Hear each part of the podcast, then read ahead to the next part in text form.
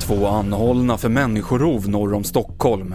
Bröderna i Kevin-fallet får en miljon kronor var och mannen med grishjärta har avlidit. Det är rubrikerna i TV4-nyheterna.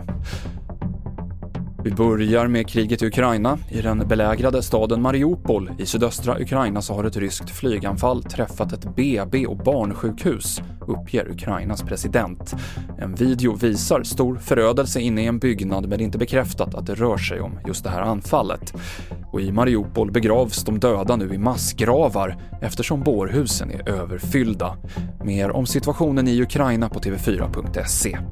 Två män har blivit anhållna misstänkta för ett människorov som skedde i Vallentuna norr om Stockholm för en tid sedan. Enligt polisens hemsida rör det sig om två män i 20-årsåldern. De greps idag på olika håll och polisen hittade även ett skarpt skjutvapen. Sen tidigare sitter en kvinna häktad i ärendet. De två bröderna som felaktigt utpekades för att ha orsakat fyraårige Kevins död i Arvika 1998 får nu en miljon kronor var i ersättning av staten. Bröderna friades från misstankarna först 20 år senare efter att SVTs Dokument inifrån granskat fallet. Så här säger en av dem, Christian Karlsson, om dagens besked. Det, det är ju skönt att se att det är någon som tar ett ansvar och, och, och säger att de har gjort fel, helt enkelt. Ni hade begärt betydligt mer. Hur ser du på, på summan?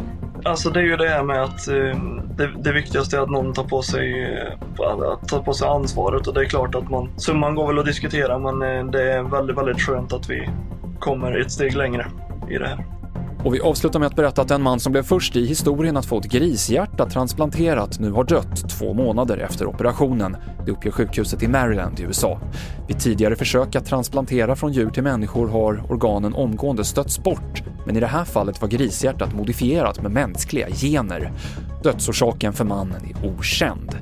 Senaste nytt finns i appen TV4 Nyheterna. Jag heter Mikael Klintevall.